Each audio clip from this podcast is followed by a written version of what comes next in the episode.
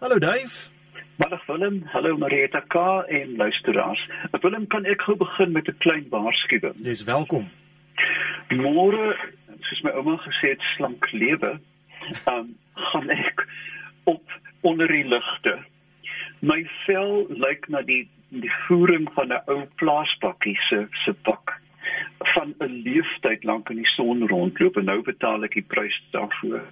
En ek wil tog net vir almal hierdie waarskuwing rig hou wat dit se laat vir die ou mense maar hou jou kinders uit die son uit ek weet dit is mooi om bruin te lyk hou hulle uit want wat wel gebeur is dat reg uh, voor jy 20 is word selle reeds geprogrammeer om later te ontplof wow. met ander woorde as jy in in daai vroeë tyd die skade opdoen jy weet daai en veral as jy brand dat jy die blaase kry en ja. vervel dan uh, bou die die selle 'n geheue op. En dan as jy op 90 kom soos ek dan begin die goed uit die houtwerk klim. So wees gewaarsku dit is ernstig ernstig ernstig. Wat hy voorspoed vir jou en ons gaan jou in, ons in ons gedagtes hou. Ja speel speel so iets uh, begrafnismusiek na uh, kom ons val weg met die een van Elise en Alwyn sê Wat gaan aan met hierdie muise? Hulle eet ons wit laks seep. Hulle steel dit. Ons het hierdie seep al in die veld gaan optel en hulle ook al in valletjies gevang daarmee. Hoekom sal muise seep wil hê of seep wil eet? Hulle is daar uh, op 'n plaas op die berg in die Magubas Kloof. Wel die is die eenvoudigste rede is dat seep bestaan uitsaaklik en is vreemd genoeg en, en byna paradoksaal uit vette. Ehm um, met ander woorde, hulle is agter die groot voedingswaarde. Ek vermoed hulle eet seep wat ehm um, vernoem is na 'n duif, want daar's ander seep wat 'n muis op die plek in 'n koma sal sit. Ehm um, so uh, daar is 'n hoë vetinhoud in in seep. Wat gebeur is dat die die kostiek soda wat jy daarby sit, ehm um, begin dan wat hulle in Engels is 'n sulfactant maak. Met ander woorde, dit dit dit leviteer die vet wat jy dan van die voorwerpe afwas maar die basis van soos ons jy weet hoe het ons seep gemaak ons het my ouma ouma Lily het 'n seepvark gehad nê nee? dit is fooi tog dit was gewoonlik 'n sog wat dan in 'n redelike smal hokkie gevoer is met emmers en emmers kos. En ouma se kampioenvark het 13 paraffin blikke vet uitgebraai en dat is seep gekook ja ja ja so dit wat dit die muise is duidelik net aan die agter die hoë voedingswaarde van die van die van die vet of olie in die seep. En ook hulle het uh, walvisse daarvoor gebruik, maar dankie tog ons is nou 'n bietjie meer by sintetiese tegnologie wat dit alles doen. Dank die hemel tog daarvoor uh, dat dit dit nou verby is behalwe in Japan. Hmm.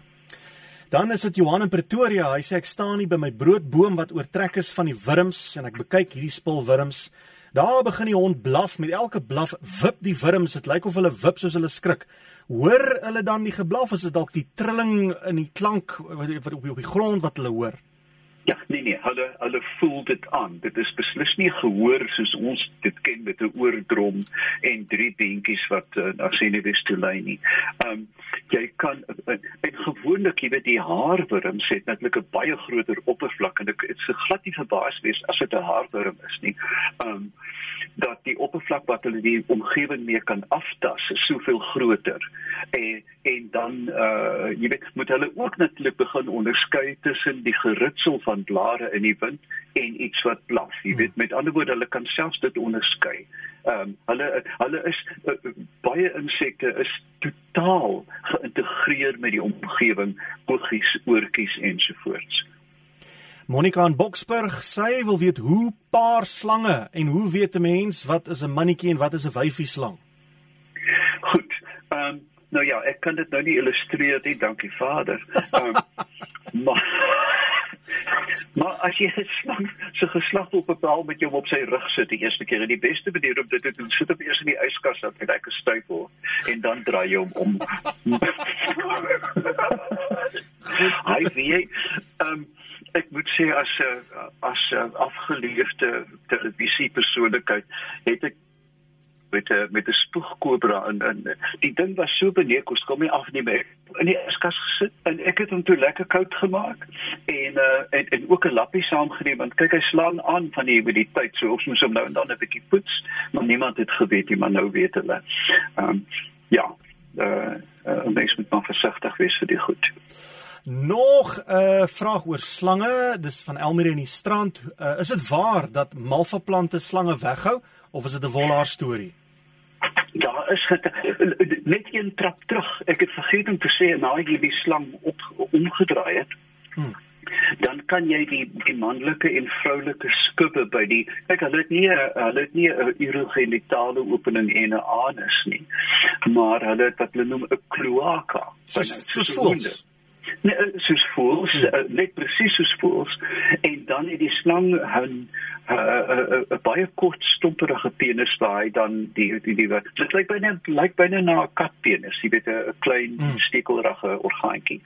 Um, en dan uh hulle wen byna soos jy soos jy draad om mekaar wen as jy twee stukke belas en jy wen hulle om mekaar hmm. wen die slange so om mekaar bring die urogenitale openings by mekaar en dan uh, kan jy die mannetjie ook as jy die mannetjie se se daai omgewing druk spring die penis soms uit so maar jy moet weet wat jy doen ek dink dit is nie vir amateurs om dit te bepaal ja moet nou nie jou stokperdjie gaan staan en maak nie nee nee nee nee nee En dan die een van die malva plante.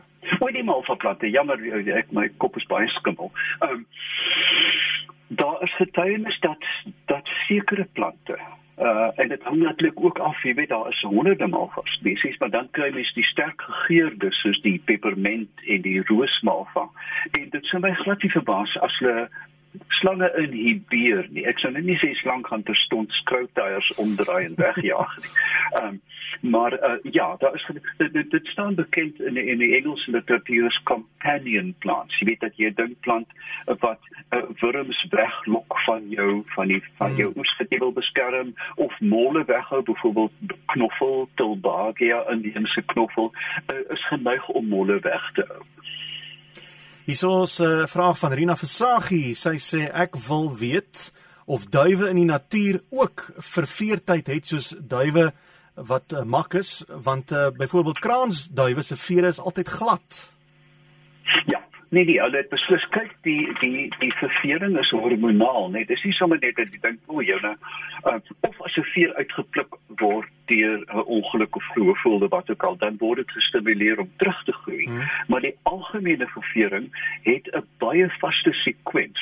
Met ander woorde, as jy kyk, sê net maar jy maak jou hand oop na links, dan en jy jy strek jou vingers, dis die primêre vere en dan aan die onderkant die sagte vere, sekondêre vere, dan is daar dekvere. So, die die belangrikste vere is natuurlik die primêre want hulle vat al die lading en dit is waar krag toegepas word om vorentoe te vlieg en dan het hulle 'n absolute rangorde. Vier nommer 1 val uit, dan nommer 3, dan 5, 7, 2, 1 en so aan. Ehm um, en dit is hormonaal en seisoonaal. Uh, so ja, hulle verveer net soos uh, enige ander voël.